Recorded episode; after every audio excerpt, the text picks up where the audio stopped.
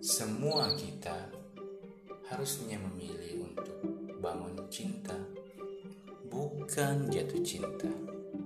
Biasanya orang yang jatuh cinta cenderung larut dalam rasa dan melupakan asa. Hanya dengan membangun cinta, rasa dan asa bercampur menjadi energi yang mendorong kita menghasilkan hal-hal besar bagi kehidupan. Hanya dengan membangun cinta, gelora jiwa akan mengantarkan kita ke surga. Ayo, bangun cinta, bukan jatuh cinta.